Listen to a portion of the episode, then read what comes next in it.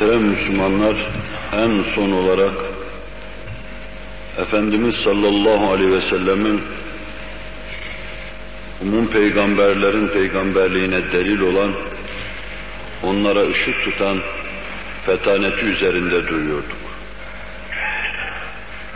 Resul-i Ekrem aleyhissalatu vesselam müstesna maddesi, müstesna manası aynı zamanda müstesna bir idrak ve dirayetle, kiyasetle serfiraz idi. İçi dışı mütenasip, birbirinden üstün, müstesna bir varlık idi. Her şeyi vazifesine ait bir hususu tenvir eder, bir hususa ışık tutar. Fetaneti, dirayeti, kiyasetiyle peygamberliğine delildir, ona ışık tutar. Biz bunun altında onun mübarek, nurlu icraatına bakar, bir taraftan ders alır, hayatımızı örnekler buluruz. Cenab-ı Hak arayıp, bulup, iktida etmeye muvaffak kılsın. Bir taraftan da bu ekmel muktedabihin kâmeti balasını görmeye çalışırız. Bu deliller menfezlerinden Cenab-ı Hakk'ın bizim nazarımıza arz ettiği üluhiyetin mukaddes dellalı Hz. Muhammed Aleyhisselatü Vesselam'a ne kadar bakıp tanıyabiliriz, o kadar bakıp tanıyacağız. Onun kâmetine göre değil de bizim görüşümüze ve bizim için açılan pencerelere göre onu tanıyoruz. Yoksa beşer hiçbir zaman onu kendi büyüklüğü içinde tanıyamayacaktır. Bu seyri uykuda olan bir cemaat nasıl onu idrak edebilir ki onun hakkında söyledikleri her şey sadece bir kısım rüyalardan, hülümlerden ibarettir der. وَكَيْفَ يُدْرِكُ قَوْمٌ نِيَامٌ bihi. Evet, işte bizim onun hakkında söylediğimiz şeyler de uyuklayan bir insanın hülyalarını, rüyalarını anlatması gibi bir şey. Benim hülya ve rüyalarım, başkalarına ait şeyleri naklediyorum zaten. Hülya ve rüyalarım içinde onu ne kadar size anlattığımı ben biliyorum. Bu küçük küçük deliklerden dahi o kâmeti balayı görüp tanımaya, takdir etmeye Allah bizi muvaffak kılsın.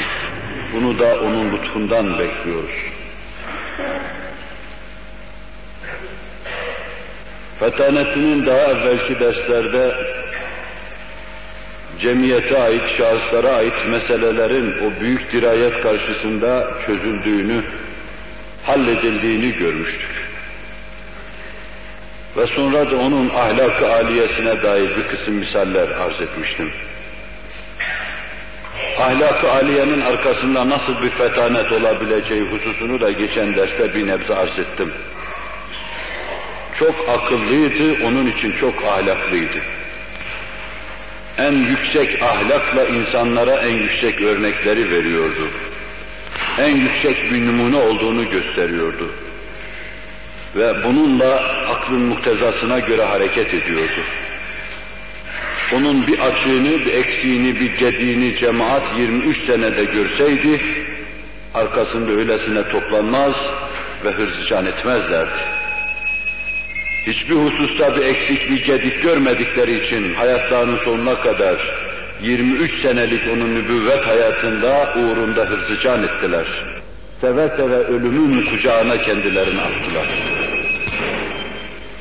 Böyle bir münasebet arz etmiştim. Bu derste de Cenab-ı Hak yardımcımız olsun, anlatabildiğim, bileceğim kadar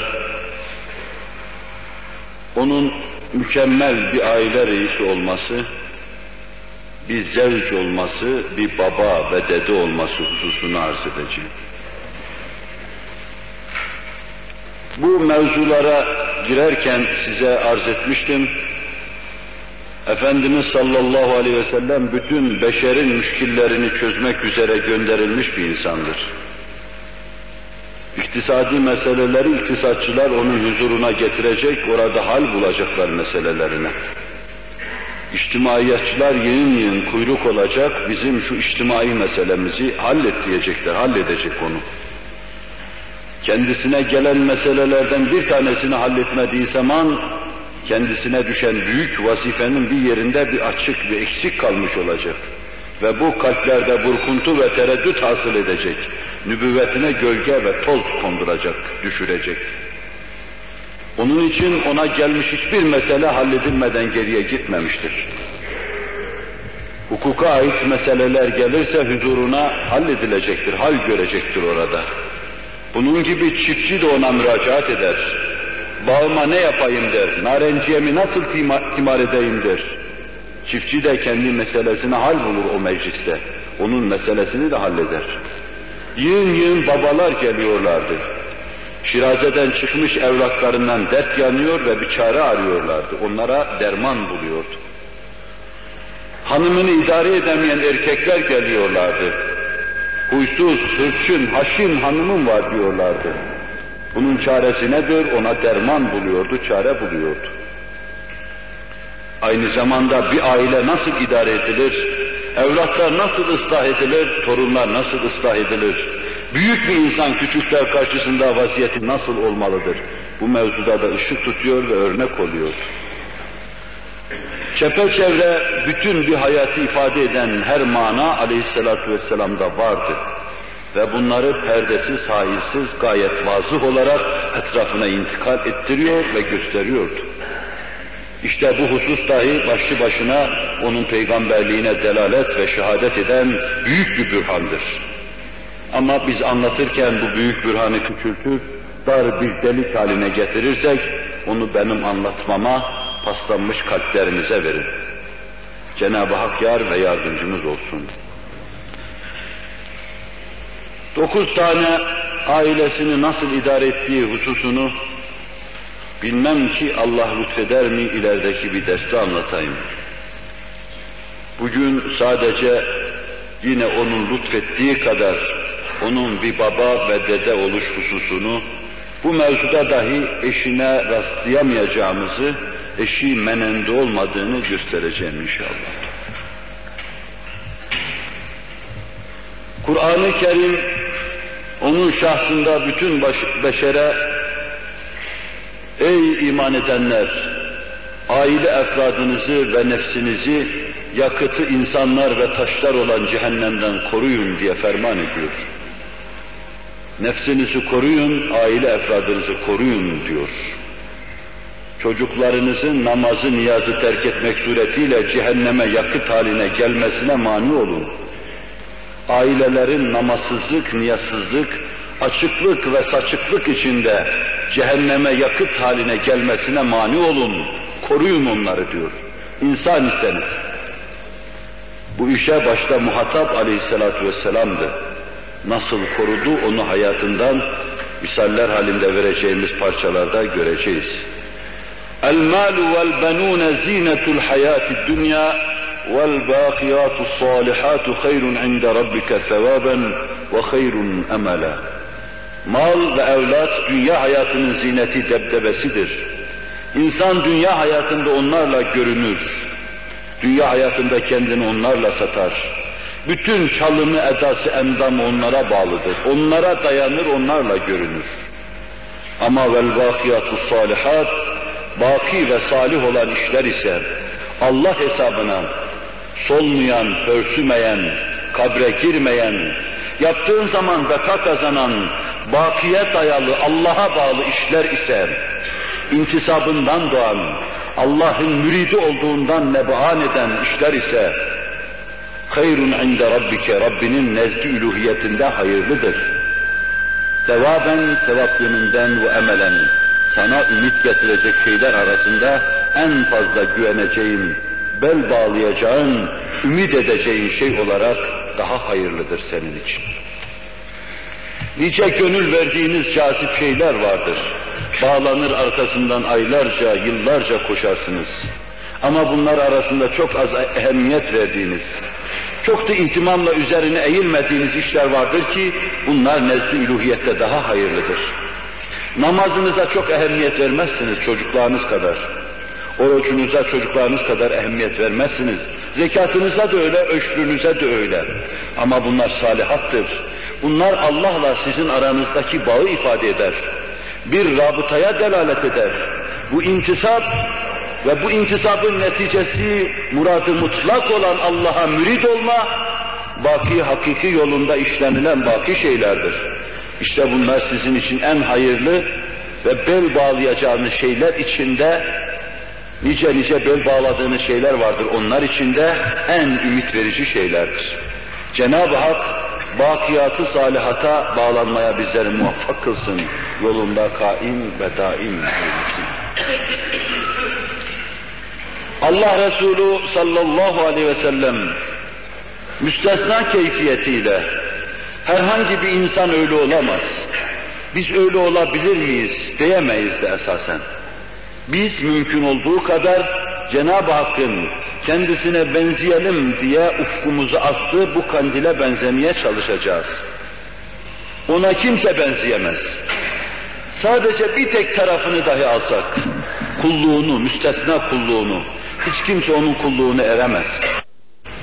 Bu bir gönül ister, his ister. Bir anda bütün kainatın zerratı adedince Allahu Teala'ya takdisat, tesbihat, tebcilat ve tebrikat takdim etme kalbe bağlıdır. Ben Subhanallah derken bir defada bir defa tesbih çekiyorum. Aleyhissalatu vesselam kalbi hayatıyla, ruhi hayatıyla yerlerin üzerindeki kumların sayısınca tesbihatı birden diyebilecek bir gönle sahipti. Mahlukatın bütün tesbihatını bir anda duyuyor, işrab ediyor onu vücuduna, hissiyatına sindiriyor, indiriyor ve onu rahatlıkla Allah'a takdim edebiliyordu. Kainatın bir dili halindeydi. Zaten ona kainatın tercümanı diyoruz. Allah'ın dellalı diyoruz. Ama insan bu vadide ona ne kadar kurbiyet kazanırsa Allah'a yaklaşmış olacaktır. Ona yaklaşma Allah'a yaklaşmanın nişanı alametidir. Allah bizi Habibi edibine kurbiyete muvaffak kılsın inşallah.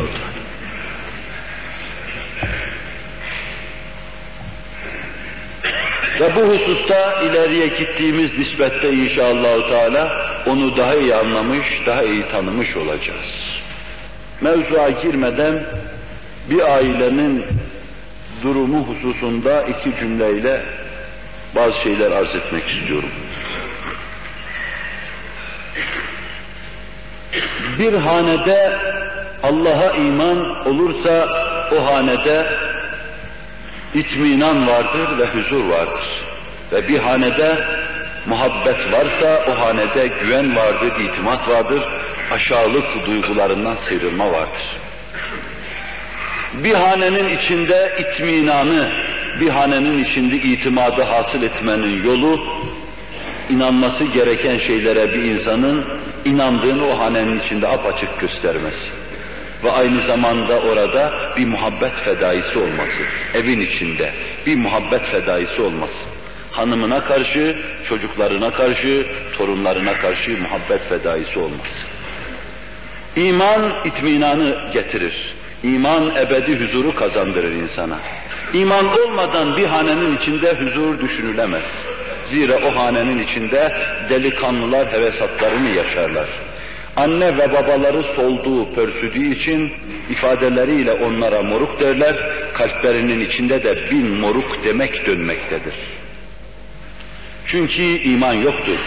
Çünkü onlar sadece dünyaya, dünya cihetiyle bağlı, ahirette dünyanın verasında yine bir anne ve baba ile cennete gireceklerine inanmadıkları için hürmete çok müstahak ve çok muhtaç olan anne baba hürmet yerine onlardan hakaret görür. O eldeki anne ve baba evlat arasında saygı, karşılıklı muhabbet, muhabbet atisi tamamen imana dayalıdır. Bu imanı evin içine hakim kılmadıktan sonra o evin içinde itminan ve huzur olmayacaktır. Aleyhisselam'da bunu açık göreceğiz. Keza bir hanenin içinde imandan doğan muhabbet var ise, iman varsa muhabbet olacaktır. İlk defa Allah'ı seveceksin. Resulullah'ı seveceksin. Allah ve Resulullah'tan ötürü o hanenin içinde mahlukat ilahi seveceksin. Senin nezdine emanet olarak verilen evladını, torununu, kızını seveceksin. Allah'tan ötürü seveceksin. Bu sevgi tedelli yoluyla olacak. Bu da aile efradı içinde birbirine karşı güven ifade edecektir. İtimat ifade edecektir. Herkes rahatlıkla birbirine itimat edecek, sırtını verecektir. Ve işte bir hanede gerçek huzur bu sayede teessüs eder. Hanelerimizde huzur yoktur. Çünkü iman meselesi esas olarak ele alınmamaktadır. Allah'a iman oldu mu insan adımlarını saygılı atacaktır. Çünkü bu Allah bir gün yakamdan tutacak, der der huzuruna alacak beni, yaptığım her şeyden sigaya çekecektir der. Keza ahirete inanacaktır. Ahirete inanma gençliğin gençliğini gemler. Çocuğa ümit getirir. Çocuğun nazarında kabrin saldığı vahşeti ve dehşeti siler yıkayıverir. İhtiyara da ümit getirir. Ağzını açmış bir canavar gibi onu yutmayı intizar eden kabir o ihtiyar nazarında dehşetli olmadan çıkar, ümit verici, saadet getirici, ahiret alemlerine açılmış bir saadet kapısı. Zindan gibi görünse bile ama cennet bostanlarına açılan bir zindan olması itibariyle huzur vericidir. Ahirete inanma bir hanenin içinde huzur ve itminan getirir. Meleklere inanma, o melekler o hane içinde enis olur insana. Ve insan kendisini yalnız hissetmez. Bir duvara bir resim tespit edeceği zaman da benim asıl dostlarım melekler girmez diye alaşağı eder, indiriverir onu. Melekler asıl enislerim meleklerdir. Dolayısıyla arz ettim bu hususu. İman haneye hakim olduğu zaman hemen itimat ve itminan hasıl olur. Gönüller oturaklaşır, hanenin içinde bir huzur teessüs eder. Muhabbet olursa güven ve itimat olur. Aleyhissalatu vesselam her iki hususta da serfiraz idi ve her iki hususu da hanesinin içine hakim kılmıştı. İşte misallerle bunu arz etmeye çalışacak ve onun nasıl mükemmel bir baba olduğunu hep beraber bakacağız. Allah yardımcımız olsun. Enes'in onun fiiline, durumuna ait bir sözüyle başlayayım, bir mukaddime halinde arz edeyim. Müslim-i Şerif'teki hadiste Hazreti Enes bize şunu nakleder. Enes derken radıyallahu an o haneye rahatlıkla girip çıkan bir adamı düşüneceğiz. Kapıyı vurmadan içeriye girerdi, o hanenin evladı gibiydi. 10 yaşında aleyhissalatu vesselamın yanına gelmiş ve vefat edeceği kadar, vefat edeceği zamana kadar da ondan ayrılmamıştı. Efendimiz vefat ettiği zaman da 20 yaşındaydı. Ama bir ilim dağarcığı haline gelmişti. Gördükleri, duydukları, şahit oldukları ve o hanede takrirle tespit edilen hususlar mevzunda bir ilim dağarcığı haline gelmişti. Ondan sonra onlar cihanın çeşitli kıtalarına gidecek, İslamiyet'i neşredecek, muallim olacaklardı. ما رأيت أحدا أحسن بالعيال من رسول الله sallallahu aleyhi ve sellem. Babamı da gördüm, dedemi de gördüm, Medine'de çoklarını da gördüm. Ama hiç kimseyi ailesine hüsnü muamelede Resul-i Ekrem seviyesinde görmedimdir. O hanımıyla o bir zevciyet muamelesi vardı ve aynı zamanda kardeş gibiydi. Bunu aileleriyle geçimi hususunu arz ederken arz edeceğim. Nasıl onların ev işlerine kadar her şeylerine yardım ediyordu, ellerinden tutuyordu, onları hoşnut ediyordu. Bu hususu inşallah yerinde arz edeceğim. Aile efradına hüsnü muamelede aleyhissalatu vesselam gibisini görmedim ben diyor Enes. Çocuklarıyla kardeş gibi geçinirdi, torunlarıyla kardeş gibi geçinirdi, ve sonra Hazreti Ömer bize şu hususu naklediyor. Bunu tekmil eder mahiyet. Ebu Ya'la'nın müsnedinde. Ra'eytul Hasene vel Hüseyne ala atikey Resulillah sallallahu aleyhi ve sellem. Fakultu nihme merkebukuma. Nihmel merkebu merkebukuma veyahut da nihmel feresu feresukuma. فقال النبي صلى الله عليه وسلم فنعم الفارسان هما أو كما قال Hazreti Hasan, Hazreti Hüseyin'i omuzuna almış dolaştırıyordu evin içinde. Hüsnü muamele ve hüsnü muaşeretin ifadesi. Başka yönlerde nasıl hareket ettiğini arz edeceğim meseleyi yarım bırakmamak için. Ben aleyhissalatu vesselama duyuracak şekilde dedim ki, yavrular ne güzel bindiğiniz bir şey var. Feres insanın bindiği şeye deniyor. Vaka atın adıdır ama feresiniz ne güzel dedim. Veya bindiğiniz şey merkubunuz ne güzel dedim. Aleyhissalatu vesselam çocuklar bir şey hissetmesin dedi aynen şöyle dedi. Ya o binenler ne güzel binicidir buyurdu. Ni'mel farisan huma. Bindiklerine bakma, fereslerine bakma, binenlere bak ne güzeldir onlar dedi. O onlara karşı gönüllerini hoşnut etmede, muamelede, seviyelerini inmede, tenezzülat-ı nebeviyede bu türlü ve bu denli hareket ediyor. Haşin ve hırçın değildi. Rahatlıkla herkes yanına sokulabilir, derdini çerh edebilir, içini dökebilirdi. Onu gördüğü zaman mahkeme görmüş gibi olmazdı. Titremeden, ürpermeden, ürkmeden yanına gelir. İçinde bir düğümü, bir ukdesi varsa rahatlıkla anlatabilirdi. Bir tereddüdü, bir şüphesi varsa rahatlıkla izale edebilirdi. İnsan birisinin omuzuna biner, onun omuzunda dolaşırsa ona karşı meselelerini anlatmada ne bir eziklik, ne bir korku, ne de bir telaş duymaz ki. Duymazlardı yanına sokulur, rahatlıkla işlerinden geçen her meseleyi anlatabilirler. Benzeri vakayı Taberani'de Cabir bize şöyle anlatıyor. Aleyhisselatu vesselamın hanesine girdim. O elleri üzerine yürüyor, Hazreti Hasan, Hazreti Hüseyin de sırtına bindirmişti. Vakanın bu kadarı mevsuktur, Cabir Taberani'de naklediyor bize. Dudaklarından şu sözlerin döküldüğünü gördüm Aleyhisselatü Vesselam'ın. Ni'mel cemelu cemelukuma ve ni'mel edlani antuma. Sizin deveniz ne güzel deve diyordu ve üzerindeki yük de hurç da ne güzel yük diyordu. Zayıf bir rivayette bunun şöyle meydana geldiğini söylerler. Vaka buraya kadar mevsuk, nakleden rical da hadis tabiriyle sikadır. Bundan ötesi gayri mevsuk. Dediler ki aziz dedeciğim, ikisi de Ebu Cehil'in bir devesi var, vardı veya hat muhtemelen Ebu Cehil'i Hasan Hüseyin'in görmesine imkan olmayacağına göre bu belki Medine-i Münevvere'de bir Yahudinin, bir kafirin devesiydi. Vakanın mevsuk olmasını hadis içindeki ıstıraptan anlıyoruz.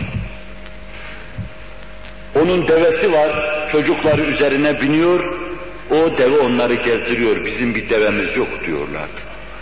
Yığın yığın saadet hanesine develer geliyordu, arz etmiştim Hüneyn'de, dört bin küsür deve gelmişti ama bir bir delik keseye girer gibi bir taraftan girmiş, öbür taraftan da çıkmıştı, bir tane kalmamıştı. Bir evvelki derste arz ettim bunlar. Bizim de bir devemiz olsaydı biz de binseydik. Cabir'in müşahede ettiği vaka bu vakaydı. Gelin ben de size deve olayım diyordu. Aleyhisselatü vesselam torunlarına deve oluyor, onları sırtına bindiriyordu. Sırtına bindikleri zaman gayri mevsuk, ıstıraplı olan hadiste şunu görüyoruz. Ama dedeciğim, onun devesi onları taşırken sağa sola hav hav ediyor. Ben de edeyim. Aleyhisselatü vesselam başını sağa çevirdi, bir hav ediverdi, sola çevirip de hav edeceği an Cibril ağzını kapayıverdi. Bir daha böyle dersen gökte ve yerde ne kadar mücrim varsa Allah hepsini affedecek dedi. Af diyordu o. Mevceler halinde meleği alaya kadar af halinde gidiyordu. Üluhiyet dairesine torunlarını sırtına almış nebiler nebisinin böylesine af takdimi geri çevrilmeyecekti.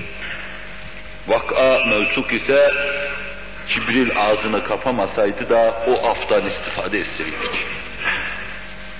Bütün cürmümüz, seyyiatımızla beraber dergahı çok geniş olan bütün mücrimlere gelin gelin diyen Nebiler Nebisi'nin yine bizi affedeceğini umuyor, ümit ediyor.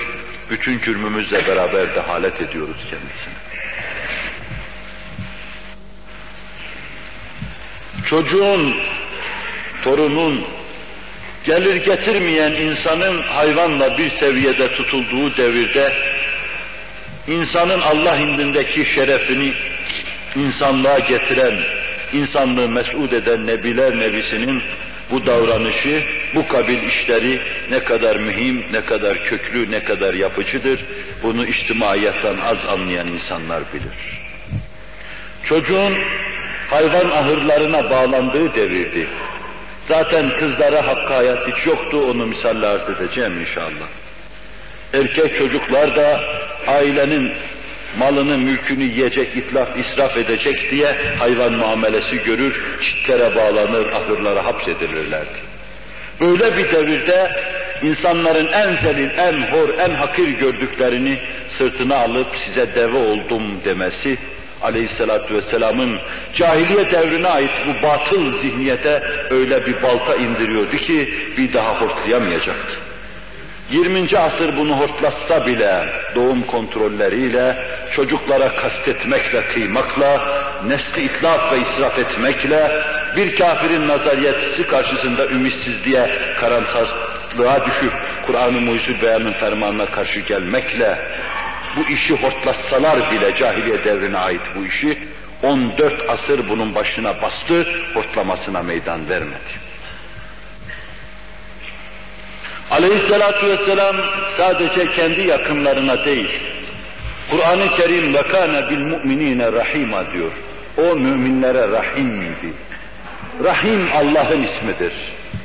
Hiç tereddüt etmeden ismini verdi. İnsan sevdiği evladına kendi ismini verir. Adı Ali ise oğlumun adı da Ali olsun. Anılsın bu evde Ali. Allah Kur'an'da Bismillahirrahmanirrahim derken kendini Rahman ve Rahim olarak bize anlatıyor. Bir adı Rahman, bir adı da Rahim'dir.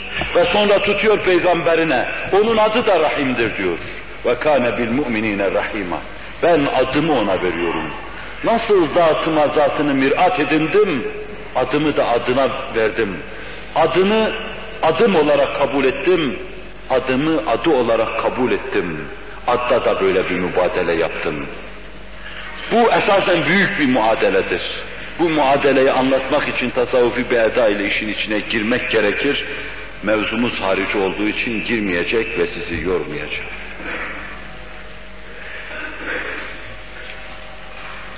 Aleyhissalatu vesselam bütün müminlere karşı şefkatli, hususiyle istikbal omuzlarında bayraklaşacak nesle karşı çok hassas idi.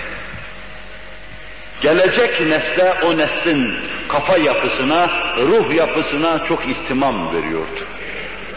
Medine'de her çocuk Resul-i Ekrem Aleyhisselatü Vesselam'ı sever. O gelirken babası da beraber gelse ona koşar babasını terk ederdi her çocuk.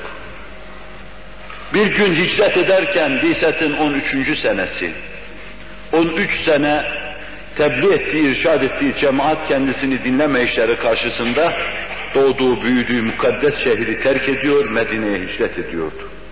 Medine çocukları elhak güzel karşılamışlardı. Seniye-i Veda'dan bugün Kuba semti dediğimiz semtten bir tepe vardır Kuba'nın verasında. Günlerce sabahtan akşama kadar bekleyen Medineli inanmış müminler Resul-i Ekrem'in girdiğini görünce çoluk çocuk yolun sağına ve soluna dökülmüşler. Gönlümüze tülü edeceği bir gün bilmem aleyhissalatü vesselam'ı öyle istikbal edebilir miyiz? İstikbal et deyip de onun geleceği yola öylesine perişan, yıkık, dökük, dökülüp de onu intizar edebilir miyiz? Nefsim adına söyleyeyim, benim için hayır, sizi bilmiyorum.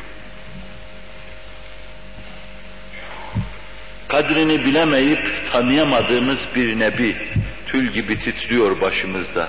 Yok mu beni tanıyan, bilen? Tanıyayım, bileyim onu. Tanıtırsan burada orada tanıyacak şefaatiyle. Elinden tutacak, bendendi diyecek, götürecek. Sürüm sürüm olundu o günde, günahların insanın sırtının kemiklerini çatır çatır çatırdattığı o günde, onun şefaatinden hissesi olmayan kimse kurtulamayacaktır. Onun şefaatini kurtarıcı olarak Allah o gün hakim kılacaktır.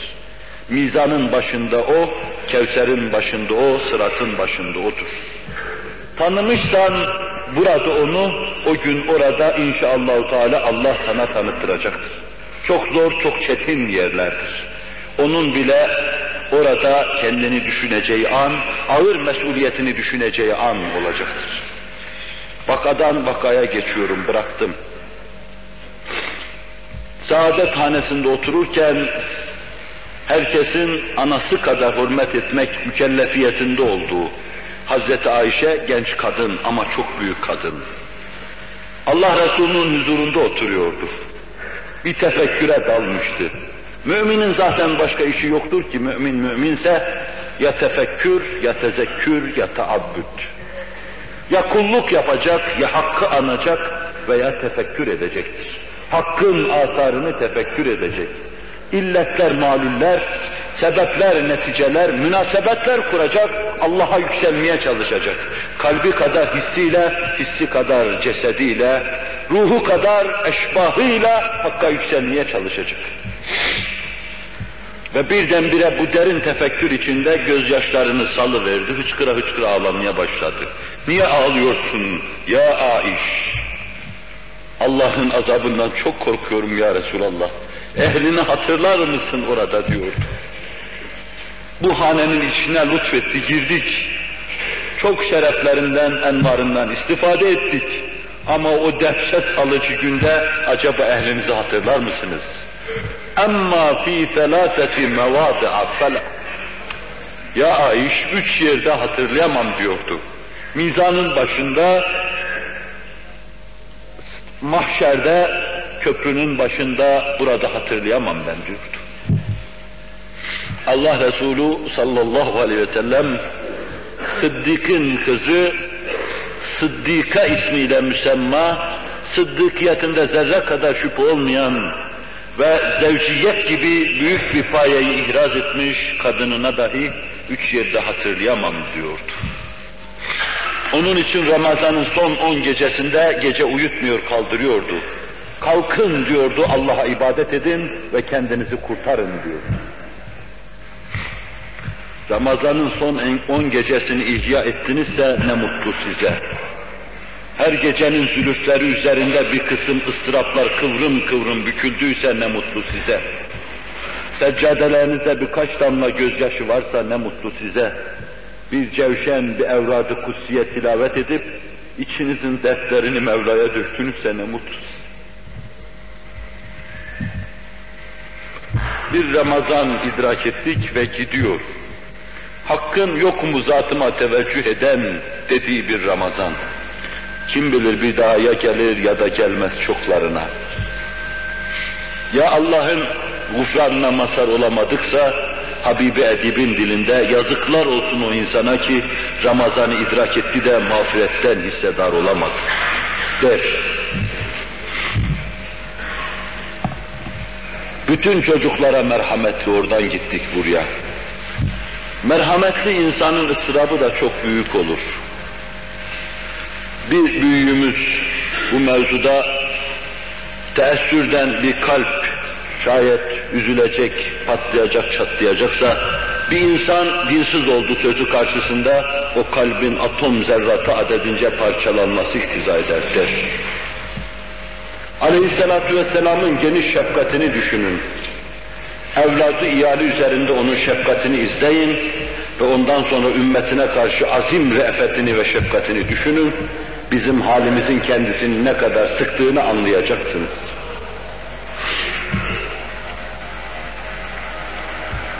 Medine'nin her çocuğu onu tanıyordu, oradan gittik oraya. Babasıyla yan yana gelirken babasını onu tercih ediyordu. Hayatının sonuna kadar her çocuk ona sadakatini devam ettirdi. Seniyeyi vedadan Medine'nin diliyle tülü eden Bedir, tülü ettiği anda nasıl şen gönüllerle karşı karşıya kalmıştı, vefat ettiği anda aynı kırık gönüllerle karşı karşıya idi. Tela'al bedru aleyna min seniyyatil veda veya seniyyetil veda vecebe şükru aleyna ma da'allahu da'a. Seniyeyi vedadan bize bir ay doğdu diyordu her Medineli çocuk. Ve bize şükür vacip oldu bu büyük davetçi Hakk'a davet ettiği müddetçe. Nebiler nebisi vazifesini yapıp insanları hakka hakikata irşad ettiği müddetçe üzerimizden atamayacağımız büyük bir şükür mükellefiyetiyle mükellef bulunuyoruz. O seferden, her seferden dönüşünde bütün çocuklar koşar, kimisi eteğinden, kimisi paçasından tutar. O da artık önüne geleni alır, kimisini devesinin önüne, kimisini de arkasına bindirir. Her çocuk ona sürtünmeyi, ona sürünmeyi, ona bir yerinin temas etmesini büyük şeref sayar. Çocuk, çocuk kalbi ne hissederdi bilinmez ama pervane de bilmeden şem'in etrafında pervaz eder ve sonra kendini yakar. Allah'ın yaktığı o şem'a etrafında çocuklar pervaz ediyorlardı. Ahmet bin Hanbel, Abdullah İbni Varis tarihiyle bize Abbas'ın, Hazreti Abbas'ın bütün çocukları Abdullah, Übeydullah ve Kesir İbni Abbas veya Benu Abbas diyeyim. Abbas'ın oğulları manısını. Resul-i Ekrem Aleyhisselatü Vesselam'ı karşılar seferden gelirken istikbal ederler. O da alır birini devenin önüne, birisini arkasına, birisini de kucağına alırdı. Medine'ye öyle girerdi. Her çocuğa karşı çok mürüvvetliydi. Sever ve yaptığı şeyleri sevgi içinde anlatırdı onlara. Bu sevgiyi kaybedeceğinden her çocuk çok korkardı. Ya Resul-i Ekrem yüzünü ekşitirse işte bunu kaybetmemek için namazında, niyazında ve gönlünceydi. Burada bir hususu arz edeyim size. O devrin yaşlısı da, çocuğu da, kadını da, erkeği de derin bir hassasiyet içindeydiler. Vahyi gelir, halimiz Resul-i Ekrem Aleyhisselatü Vesselam'a agah olur diye kalplerine çok dikkat ederlerdi. Her çocuk sevgide çok ileride olmaya çok dikkat ederdi. Onun için Aleyhisselatü Vesselam'a karşı yapılan muameleler riyakarlık değildi. Çünkü o Allah tarafından bildirilirdi, o, o da kalbe vakıf idi. Sahabe onun huzurunda otururken kalbimizden kötü bir şey geçeceğinden çok korkardık. Çünkü vahyi gelir de bizi rüsva eder diye korkardık. Resul-i Ekrem aleyhissalatu vesselam vakıf olur diye korkardık. O gittikten sonra aklımızdan fena şeyler geçerken artık ürkmemeye başladık. Demek ki o devirde aleyhissalatu vesselam devrinde kadın olsun erkek olsun, yaşlı olsun çocuk olsun, kimse şu kadına bir bakayım diye aklının köşesinden geçmezdi. İçkide nedir diye aklının köşesinden geçirmezdi. Kumar nedir onun aklının köşesinden geçirmezdi.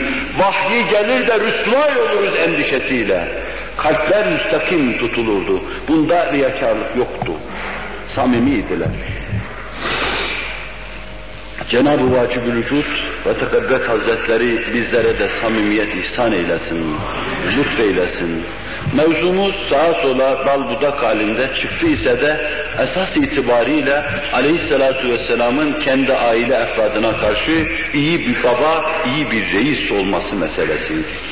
O onun torunlarına karşı mürüvvet, re'fet ve şefkatini anlatırken sadece torunlarına değil, Kur'an'ın ve kâne bil müminine rahima dediği zatın bütün yavrulara karşı, şefkate muhtaçlara karşı aynı hassasiyet, aynı titizlikle mukabele yaptığını görmeden giriverdik buraya.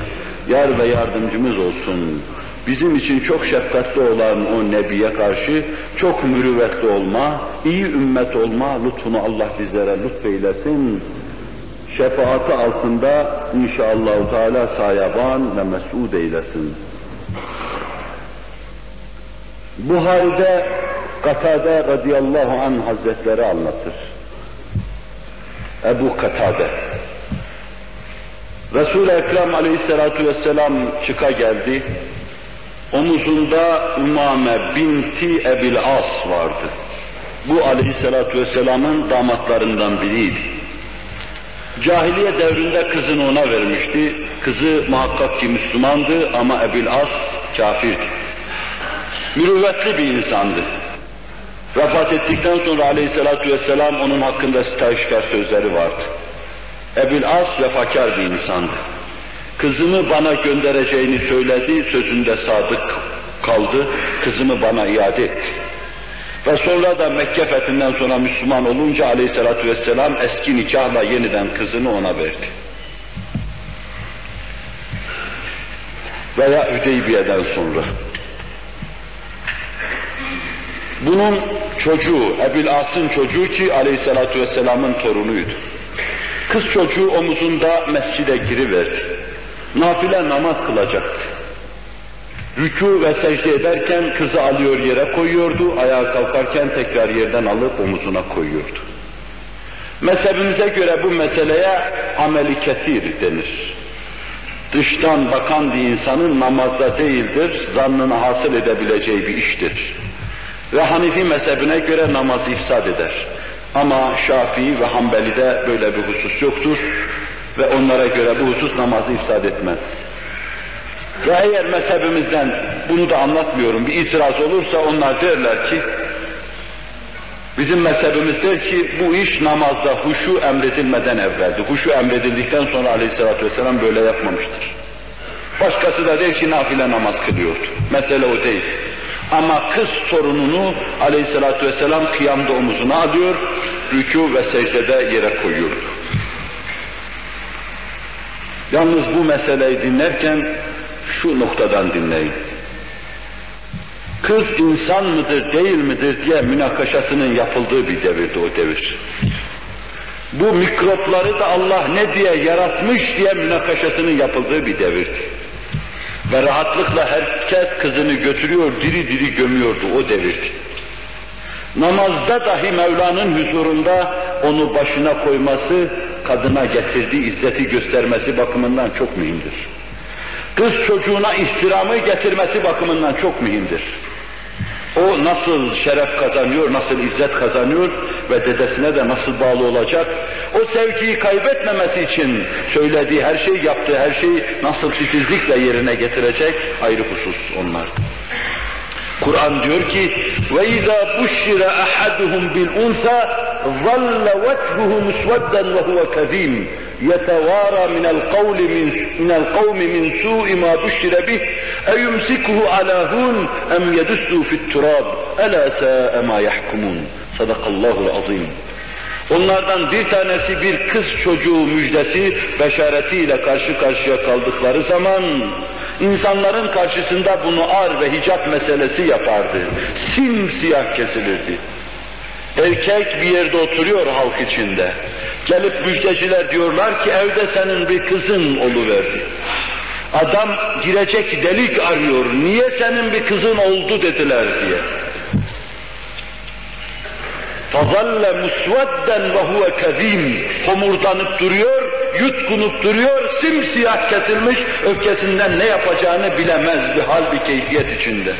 يَتَوَارَ مِنَ الْقَوْمِ مِنْ سُوءِ مَا بُشِّرَ بِهِ Cemaat içinde saklanacak bir yer arıyor, kendisine gelen bu kötü müjdeden ötürü Kur'an anlatıyor.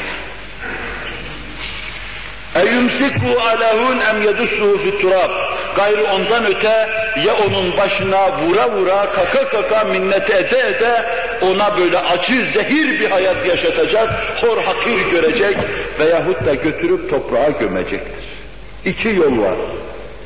Ya o evde bir esir ve esire muamelesi görecektir o veyahut da götürülüp toprağa gömülecektir. Sahabe-i kiram arasında cahiliye devrini idrak etmiş çoluk çocuğa sahip çok az insan vardır ki kız çocuklarını gömmemiş olsunlar. Ömer bile kız çocuğunu gömmüştü. Bir gün bir bedevi geldi aleyhissalatü vesselamın huzuruna ve Müslüman oldu. Müslümanlık insanı küfür hayatından çok uzaklaştırıyordu. Küfür hayatına ait gördüğü normal şeyler birdenbire insanın nazarında iman ettikten sonra kararıyor, çirkinleşiyor ve mide bulandırıyordu.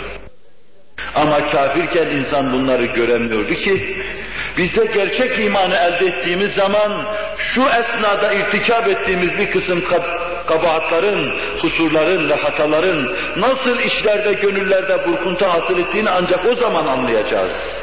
Ben şimdi anlayamıyorum bunu. Ama bir kıstasım var. Kur'an-ı Kerim ve ona aynı olan canlı tefsir, sahabe-i kiram radıyallahu anh. Onlara bakıyorum, anlıyorum ki ben o durumu ihraz edememişim. Başım dahi çıkmamış o noktaya.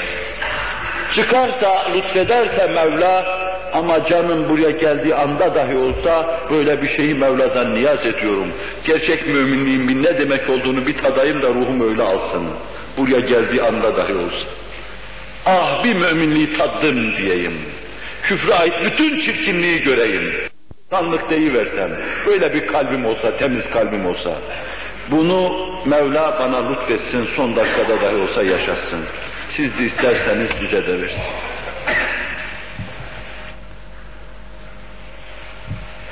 يتوارى من القول من سوء ما بشر به minel kavmi min su'i ma buşşira. Kelime yanlış dedi. Cemaat içinde kendisine müjdelenen şeyin kötü olduğundan kanaatına zannına göre saklanacak yer arıyordu. İşte bir bedevi bu tesiri ve tazdikle bir kabahat işlemişti ve sonra Müslüman olmuş, cahiliyet evrindeki her şeyi çok çirkin görür hale gelmişti. Resul-i Ekrem Aleyhisselatü Vesselam'la diz dize geldi. O nur ve sır alemindeki her şey ona geçiverdi. Birdenbire değişti, ufku değişti. Küfre ait bütün alemi alabildiğine çirkin ve hor görüyordu. İman ufku alabildiğine berrak ve açıktı. Ya Resulallah dedi, o cahiliye devri neydi, nasıl irtikap ettik onları? Ve bir vakı anlattı. Bir kız çocuğu vardı, elinden tuttum, geziyordu, tıpış tıpış geziyordu. Götürdüm bir derin kuyunun kenarına. En muteber hadis kitaplarında. Dinliyordu Allah Resulü ağlıya ağlıya. Kuyunun kenarına götürünce bir tekme vurdum sırtına. Baş aşağı aşağıya doğru giderken babacığım babacığım diye bağırıyordu. Tutamadı hıçkırıklarını Resulullah. Bir daha anlat dedi şunu. Anlattırıyordu bir daha. İslam'dan uzak, Kur'an'dan uzak bir cemaatin kalp katılığını, kasavetini göstermek için, his aleminin sönmüş olmasını göstermek için, ruh dünyasının bütün yıldızlarının, aylarının, güneşlerinin küsufa uğradığını göstermek için anlat bir daha diyordu. Kalbi çatlayacak hale gelince adamın ağzını kapadı susturdular. Sus dediler Resul-i Ekrem'i mustarip ediyorsun. Cahiliye devri oydu işte. Ömer kızımı götürdüm. Elimle kumu kazıyordum. Yavrucuk birkaç dakika sonra başına geleceklerden habersizdi. O da benimle beraber kazıyordu. Bağıra bağıra kumu üzerine verdim bıraktım geldim diyordu. Ya o devirde ölseydim Allah Resulü işte yıkılası bu devri bir darbede yıkıyor. Akif'imizin dediği gibi bir hamlede insanlığı kurtardı o masum. Bir nefhada Kayserleri, Kisraları yere serdi. Aczin ki ezilmek de hakkı dirildi. Zulmün ki zeval aklına gelmezdi geberdi. Bir hamlede, bir nefhada insanla hayat getirdi, huzur getirdi, saadet getirdi. Sevgi getirdi. Aileler, haneler içinde artık itimat vardı, itminan vardı. Kız çocuğu istikbalinden, hayatından emindi. Ne bir kuyu ne de bir kum çukuru artık onu beklemiyordu. O tıpkı bir erkek gibi muhalla bir mevki ihraz edecekti. Bunu fiilen veriyordu. Ne biler ne bilsi. Babası cahiliyeden bir insan olan Ebul As'ın kızını omuzuna alıyor, mescitte namaz kılıyordu. Mevla'nın huzurunda bir insan omuzunda, hem kadın, kadın bir insan omuzunda namaz kılıyordu.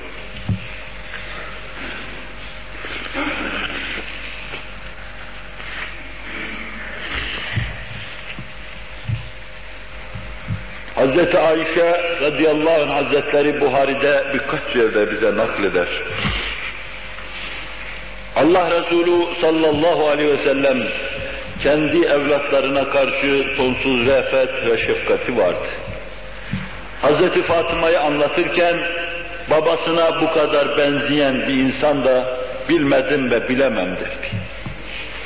Hazreti Fatıma nübüvvetin semeresidir. Efendimizin pek çok evladı vardı, kızı da vardı, oğlu da vardı. Erkek evlatları vefat etmişti kendinden evvel. Kız çocukları da Hazreti Fatıma müstesna vefat etmişlerdi kendinden evvel.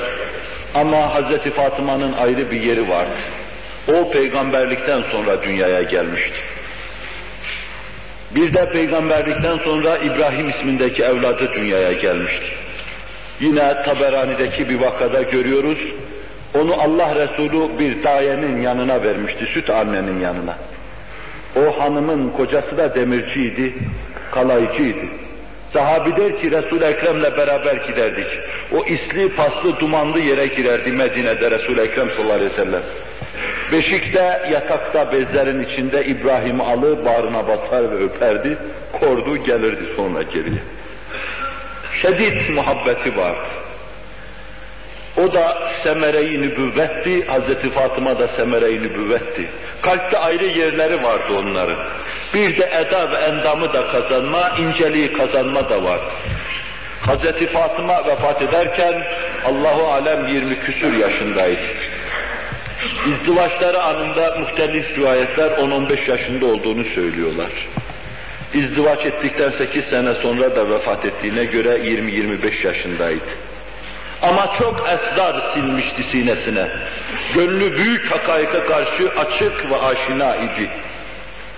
Resul-i Ekrem Aleyhisselatü Vesselam'ın yanına gelirken Efendimiz kalkar, kıyam eder, kucaklar alnından öperdi. Onun yürüyüşüyle yürürdü. Hep onu bana hatırlatırdır Hazreti Ayşe. Ona karşı Aleyhisselatü Vesselam'ın fazla alakası Hazreti Ayşe'nin kalbinde herhangi bir kıskançlık hasıl etmiyor takdirle anlatıyor. Hz. Fatıma hakkındaki takdirkar hadislerin başında hep Hz. Ayşe vardır hemen hemen. Büyüklük burada belli olur. Ölüm ihtilaçları içinde nebiler nebisi mustaripti. Hastalık bütün dehşet salıcı keyfiyetiyle aleyhissalatü vesselamın üzerine çullanmıştı. Kimse elini dokunduramazdı, adeta bir ocak gibi yanıyordu. Yansam da ocak gibi gam eyleme mishal. Yakma beni ateşleri ey çarkı cefakar. Yanıyordu ama Allah'ın ateşine yanıyordu. Ayar ateşine yanmadığı için, yanmadığı için mustarikti. Elimizi vuramazdık. Ve hayretimiz, dehşetimizi hisseden nebiler nebisi, peygamberlerin hastalığı da böyle ağır olur. Allah kimi çok seviyorsa bela ve musibeti çok çetin olarak gönderir. İflahını söker onun. Derken yine edalı ince kadın içeriye girdi. Yıkılmış olarak yürüdü Resulullah'ın yanına. Biz çok uzaktan bir yıldız gibi görüyoruz bu kadar bağlı olursak Allah bağlasın. Çok yakın yakından görüyordu. Çapına göre görüyordu onu. Onun ölmesi, vefat etmesi Hazreti Fatıma için bir yıkımdı. İnce kadın yanına sokuldu. Kulağına aleyhissalatü vesselam bir şeyler fısıldadı. Hıçkırıklarını salıverdi ve yıkıldı, çözüldü orada. Istırabını görünce, duyunca çağırdı, bir daha bir şey söyledi. Bu defa da yanından ayrılırken baktım tebessüm ediyor. Israr ettim bana söylemedi. Efendimiz vefat ettikten sonra bana dedi ki, ilk beni çağırdığında dedi, eserre ileyye inni meyyitun veya enni meyyitun. Bana şu sırrı söyledi. Kızım dedi artık bu hastalık beni iflah etmez, ben gideceğim dedi. İşte o zaman ben ağlayıverdim. Istırabımı gördü, üzüldü, müteessir oldu. Çağırdı bana dedi ki bu defada eserre ileyye yeniden diyor. İnneke evvelu ehli luhukan bi ev kema İlk defa aile efradından bana gelip ulaşacak sen olacaksın dedi. O zaman da sevindim. Ölümü duyunca seviniyor mümin. Çünkü kabrin verasını vahşet evi, dehşet yuvası görmüyor. Saadet saraylarına açılan kapı olarak görüyor. Onun için sevindim. Resul-i Ekrem'e kavuşacağım için sevindim. Gençliğini görmüyor. Çocukları var Hazreti Hasan, Hazreti Hüseyin. Görmüyor. Kocası var Hayderi Kerrar. Kime nasip olur öyle insan ki? Bütün kıyamete kadar gelecek velileri Allah onun sürgünden getiriyor. Ya Ali, herkesin nesli, her peygamberin nesli kendindendir. Benim neslim sendendir diyor. Nebiler nebisine vekalet ediyor. Hazreti Hasan'ı, Hazreti Hüseyin'i ile Nakşi'nin, Kadir'inin, Şazeli'nin, Rufai'nin başında duruyor. Ta kıyamete kadar beşere nur saçacak esrar getirecek büyük insanları yetiştiriyor. Ona Ebul Evliya dense sezadır. Nebiler nebisi ona Ebu Turab demişti, toprağın babası. Bir sır vardı belki bunda. Mescitte üzerinin toprak olmasına vermemeli bunu. İnsan Ebu Turab gibi toprak olursa gül biter onda. Toprak oldu, tevazu kanatlarını yerlere kadar indirdi. Onun için Hasan Hüseyin gibi gül bitiverdi. İki gülle iktifa etmedi. İki gülle iş sona ermedi. Yığın yığın güller çıktı ondan. Abdülkadir Geylani, Muhammed Bahavuddin Nakşibendi, Hasan-ı Ahmet Rufai, Ahmet Bedevi gibi güller asrımıza kadar asrımızın dudağının tebessümü daha nice güller Allah lütfetti.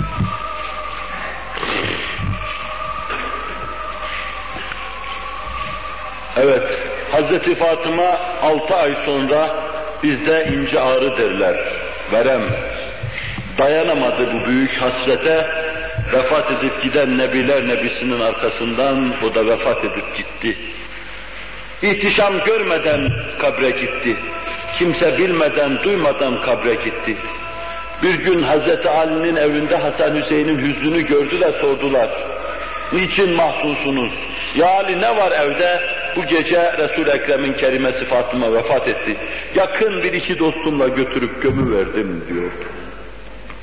Cami önüne getirme, kalabalık cemaat bekleme, halka ilan etme. Yıkılıp giden, sökülüp kopup ahirete giden, düşen basit bir insan değildi. Aleyhisselatü Vesselam'ın parçasıydı. O benim parçamdır diyordu. Bir gün Hazreti Ali'ye bile ondan ötürü hitap etmişti.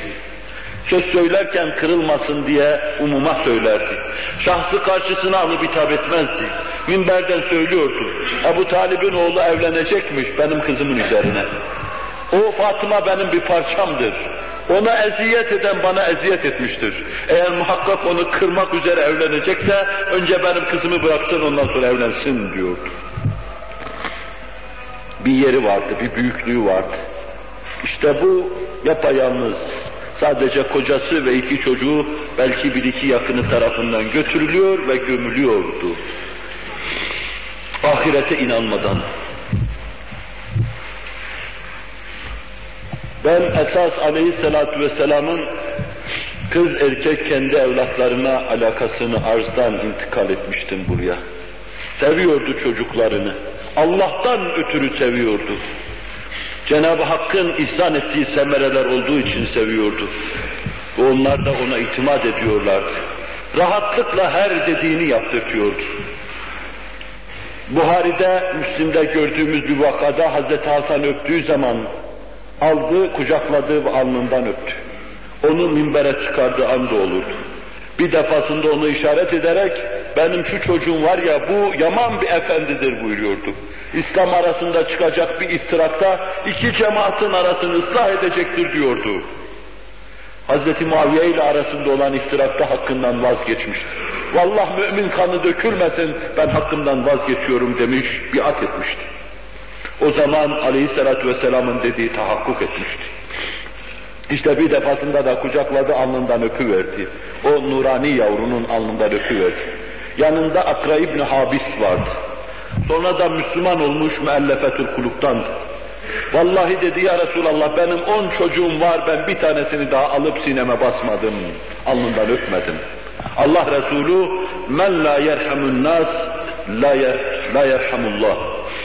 Kim insanlara merhamet etmezse Allah da ona merhamet etmez buyuruyordu. Veya başka bir rivayette eve emliku inneze Allahu min kalbiker rahme. Gayri ben sana ne yapayım? Allah senin kalbinden re'feti ve şefkati almışsa, muhabbeti almışsa ben sana ne yapabilirim ki diyordu. Allah Resulü sallallahu aleyhi ve sellem. Bu sevgi muhabbete, marifete, imana dayalı bir sevgiydi. Resul-i Ekrem Aleyhisselatü Vesselam'ın hanesinde Allah'a iman vardı. İtminan doğuyordu bundan. Muhabbet vardı, güven doğuyordu, aşağılık duygularından sıyrılma ve huzur doğuyordu. Hanelerinizi Muhammedi yapmak isterseniz sallallahu aleyhi ve sellem o hanenin içinde Allah'a, Resulullah'a ve ahirete imanın yerleşmesini, kök salmasını temin edin. Hane halkı itminana kavuşacaktır. Hanelerinizde güvenin teessüs etmesini, itimadın teessüs etmesini, saygının ve hürmetin teessüs etmesini arzu ediyorsanız, Büyükler olarak küçükleri seviniz, muhabbet ediniz. Muhabbet fedaisi olunuz. Allah'ın sizi sevdiği, Resulullah'ın sizi sevdiği gibi siz de hane efradını sevmeye çalışınız. Kainatın mayesi muhabbettir. Allah muhabbetten ötürü kainatı yaratmıştır. Muhabbetten ötürü insanlık yaratılmıştır. Muhabbetten ötürü melekler yaratılmıştır. Her şeyin temelinde muhabbet vardır. Meşru şekilde bu muhabbeti kullanacaksın. Allah'tan ötürü. Fani şeylere gönül verip bağlanmayacak. Allah'ı sana unutturacak şekilde onlara saplanıp kalmayacaksın. Her şeyi kendi çapında kâmeti kıymetine göre ele alacak, sinene indirecek veya atacaksın. Ama Allah'ı gönlüne hakim kılacaksın. Allahu Teala ve Tekaddes Hazretleri kendini bize sevdirsin inşallah Teala. Bizi bu mevzuda payidar etsin. Bu işin sadece bir şıkkıydı. Bir iki cümleyle diğer şıkkını bu kadar seven, böylesine gönüllere inen, pür pür ve burcu burcu kokan mevcudiyetini hissettiren nurlu insan, nurani insan, nebiler nebisi, her şeyde en başarılı, en muvaffak olmakla bu halinde de en başarılı, en muvaffak olarak bize Muhammedur Resulullah dedirtiyor. Dedirsin Allahu Teala Hazretleri inşallah Teala. İşin diğer şıkkına gelince o bu şefkatini, bu re'fetini semerelendiriyor, değerlendiriyor, ağırlığını koyuyor, onların nazarını ahirete tevcih ediyor.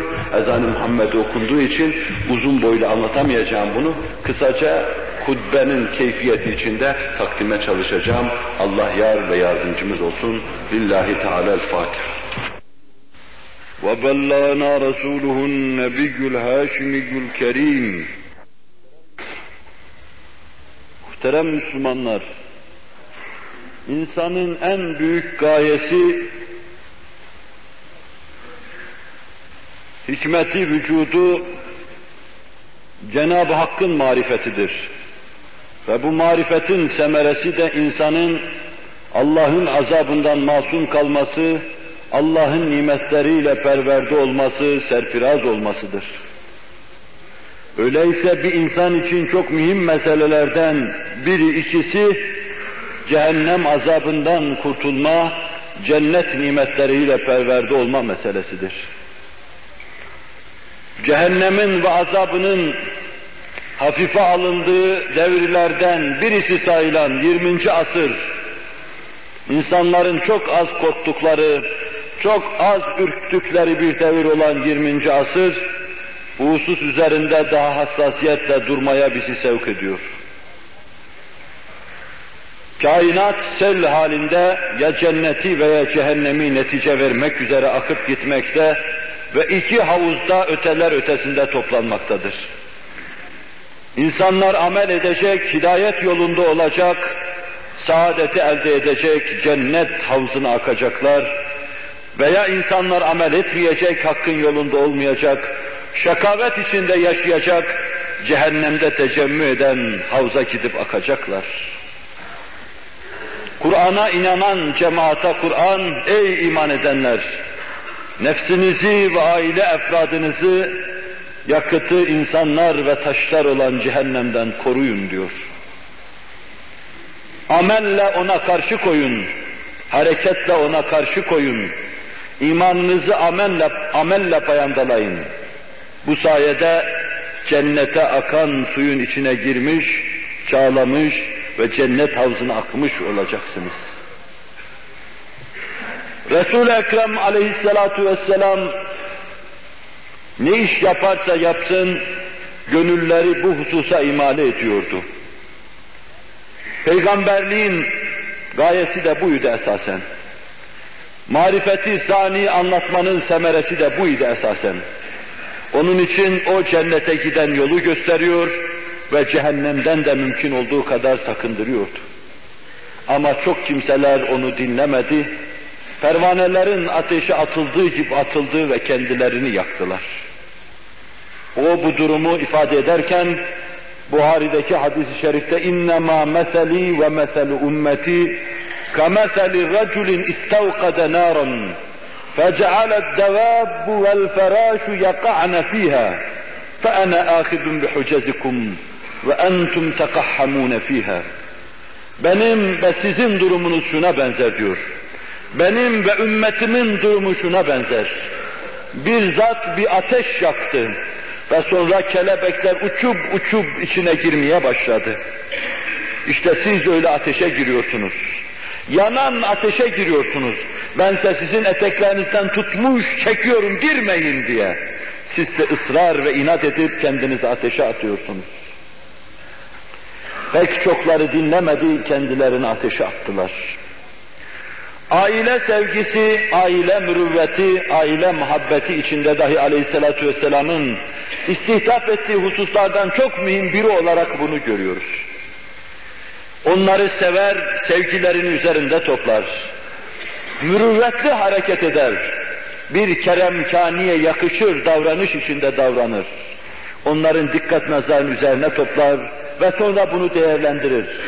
Tutar o nazarları hakka çevirir, marifeti saniye çevirir, cennetin bağına, bahçesine, bostanına, çaylarına, ırmaklarına çevirir ve cehenneme hicap yapar, perde yapar.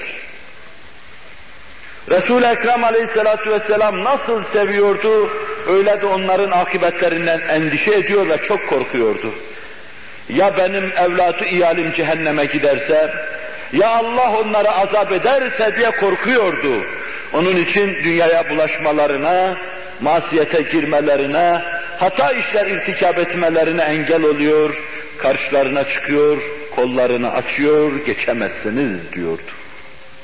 Hazreti Ali radıyallahu anh hazretleri Hazreti Fatıma ile evlendiği zaman radıyallahu anha arada mihir olarak tedavül eden şey Hazreti Ali'nin çok da kıymetli olmayan kalkanıydı sadece. Dünya malı mameleki adına Hazreti Ali'nin sahip olduğu bir kalkanı vardı ve Hazreti Fatıma da işte onunla dünya evine girecekti. Bir kalkan satılacak, onunla bir velime, düğün yemeği yapılacaktı. Ve belki melekler aleminde bile öyle kutsi topluluklara az rastlanır. Kutsi bir içtima hasıl olacaktı ama ortada sarf edilen şey hepsi bundan ibaretti. Allah indinde kıymeti bir böcek kadar var veya yok bilinmeyen, nice kimselere yığın yığın paralar sarf edilirken, Hz. Fatıma'ya sarf edilen işte bundan ibaret. Solucanlara dünyanın malı serveti sarf edilirken, Hz. Ayşe'ye sarf edilen şey bundan ibaretti. Şu vakayı müşahede ediyoruz. Nese'yi Sevban tarihiyle bize naklediyor. Sevban Mevla Resulullah derler. Allah Resulünün azatlarından ve ondan hiç ayrılmayan bir insandı. Onun için saadet hanesinin esrarına da vakıftı. Hazreti Fatıma elinde bir altın zincir evirip çeviriyordu. O esnada aleyhissalatu vesselam eve giriverdi. Elinden o altın zinciri alıverdi Hazreti Fatıma'nın. Bir kadındı ve bir altın zinciri vardı Koldaki bilezik yerinde, boyundaki gerdanlık yerinde bir altın zincir vardı. Bunu nereden aldın? Bunu amcanın oğlu bana hediye etti. Ali İbni Ebi Talip. Kaşlarını çattı ve şöyle dedi. اَيَسُرِّكِ اَنْ تَقُولَ النَّاسِ اِبْنَةُ رَسُولِ اللّٰهِ sallallahu aleyhi ve sellem فِي يَدِهَا سِلْسِلَةٌ مِنَ النَّارِ veya minnar. Hoşuna gider mi halk? Burada olmaz bu. Orada desinler ki peygamberin kızı elinde ateşten bir zincir var. Bunu demek senin hoşuna gider mi? Hazreti Fatıma vurulmuştu beyninden. Ve diyor ki bize vakayı naklederken daha bana ikinci bir söz söylemedi, çekti gitti evden. Kırıldım, yıkıldım. Arkadan hemen o zinciri götürdüm, sattım, bir köle aldım ve azat ettim. Yaptığım şeyi söylemek üzere gittim huzuruna. Babacım dedim, sen öyle dedin ben de böyle yaptım. Hiçbir şey söylemeden ellerini kaldırdı. Elhamdülillahillezî enca Fatımete minen dedi. Hamd ederim Allah'a ki kızım Fatıma'yı ateşten korudu. Ateşe götürücü şeyler karşısında da nebiler nebisi titizdi. Dünya nimetlerinden bir bakıma onları mahrum ediyordu. Aza kanaat edin. Az şeylerle kifafı nefs edin. Bütün sermayeniz ahirete kalsın. Ahirette sizi mesut edecek şeyleri اَذْهَبْتُمْ طَيِّبَاتِكُمْ فِي حَيَاتِكُمُ dünya ayetinin anlattığı şekilde burada yiyip bitirmeyin. Oraya müflis olarak gitmeyin. Hassasiyetini gösteriyordu.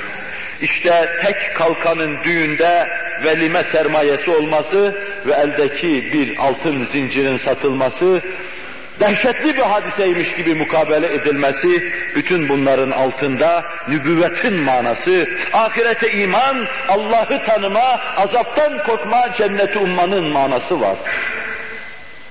Bir başka vakayı bize Buhari ve Müslim naklediyorlar. Allah hakaiki bize nakleden o büyük zevattan da ebediyen razı olsun. Vakayı sahabi olarak nakleden de o hanenin efendisi Hazreti Ali'dir. Allah adı gibi şanını da yüce etsin, şefaatlerine bizleri de mazhar eylesin inşallah. Ehli beyte muhabbet imandandır. Allah Ali'yi sevdirsin bize inşallah. Fatıma benim ve çocukların yediğimiz şeyleri, ekmeği, unu el değirmeniyle çekerdi. Evi sulayacak, süpürecek, kapının önüne su serpecek, bütün suyu da kendi omuzunda taşırdı. Süpürme müpürme işini de hep kendisi yapardı ve anlatırken aynen şöyledir. Taş çeke çeke elleri nasır tutmuştu. Su taşıya taşıya da omuzu yağır olmuştu. Evi süpüre süpüre de toz toprak içinde kalmış, gubar kesilmişti. Halbuki Efendimiz sallallahu aleyhi ve selleme çok köleler geliyor, hizmetçiler geliyordu. O dağıtıyordu, sağa sola veriyordu. Herkesi memnun ediyordu. Bir köle de bunlara verip hizmetçi yapabilirdi bunu. Ve seve seve Hazreti Fatıma'nın evinde herkes hizmet ederdi. Bir gün yine böyle gelmişti bir yerden.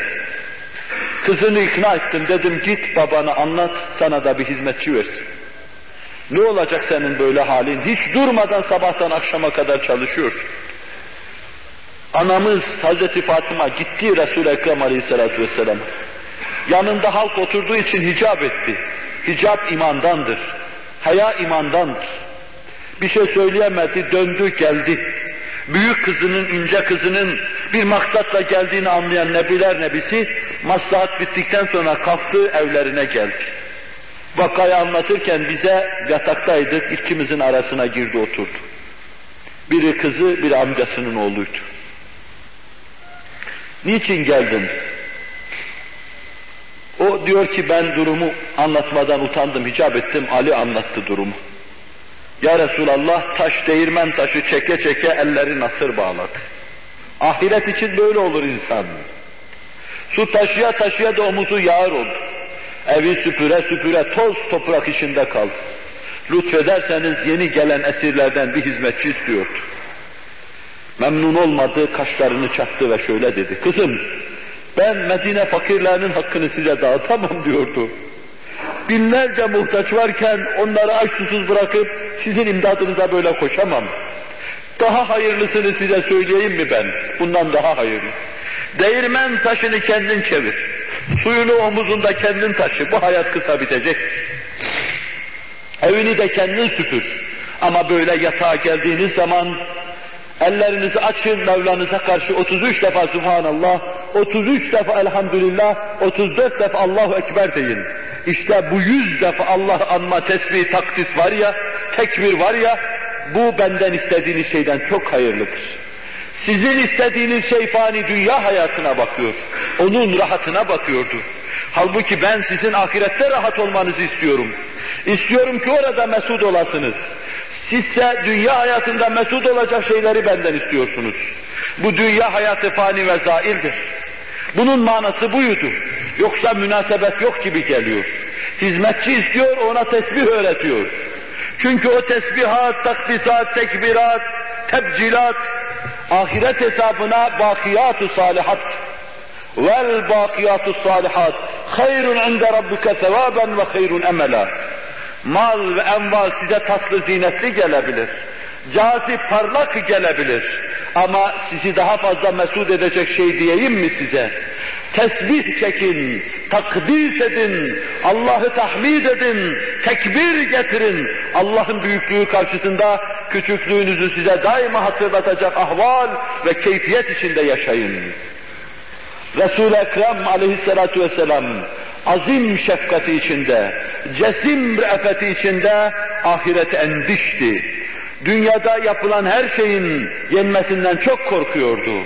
Müminler yaptıkları şeyin kısmı azamının ahirete bırakmaları lazım geldiğini onlara hatırlatıyordu ve bu işi de yine kendi ailesinden başlayarak yapıyordu.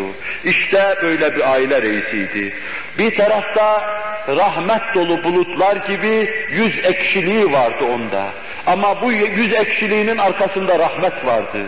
O aile efradına karşı yüzünü ekşitirse yağmur yağacaktı ve sulayacaktı. Ahiret hesabına bir gülşen, bir sümbüzar olacaktı etraf.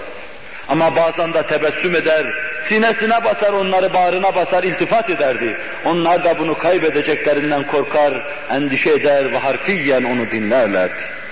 Bu iki durum bir aile reisinde, bir hane reisinde bulunması gereken şeylerdir. Hane reisinin, aile reisinin endişesi olmalı. Ahiret endiş olmalı.